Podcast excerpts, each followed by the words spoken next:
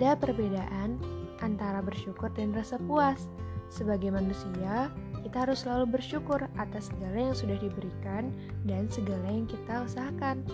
Namun, selama masih diberi nafas, kita perlu untuk memaksimalkan potensi yang ada dalam diri kita yang sudah diberikan untuk membuat karya berikutnya dan membantu orang lebih banyak lagi.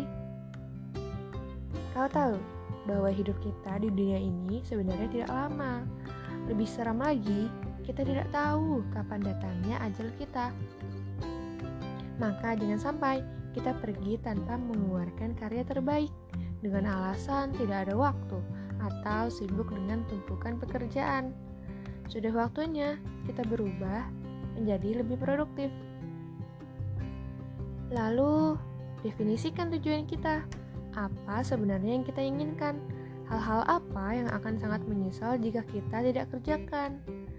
Tentukan apa yang kita inginkan dengan jelas pekerjaan seperti apa, seberapa banyak penghasilan yang dibutuhkan, dan hal-hal penting lainnya sebelum kita menghabiskan waktu untuk mengerjakan sesuatu yang tidak searah. Ketika kita mendeskripsikan dengan jelas apa yang menjadi target, maka kita akan lebih mudah dalam mengukurnya sudah sejauh apa kita dalam perjalanan ini. Nah, tentu saja hal ini bisa saja berubah seiring waktu berjalan. Tetapi dengan kita punya kompas di awal, maka kita tidak akan jauh tersesat. Takut itu biasa. Yang istimewa adalah ketika kita tetap melangkah.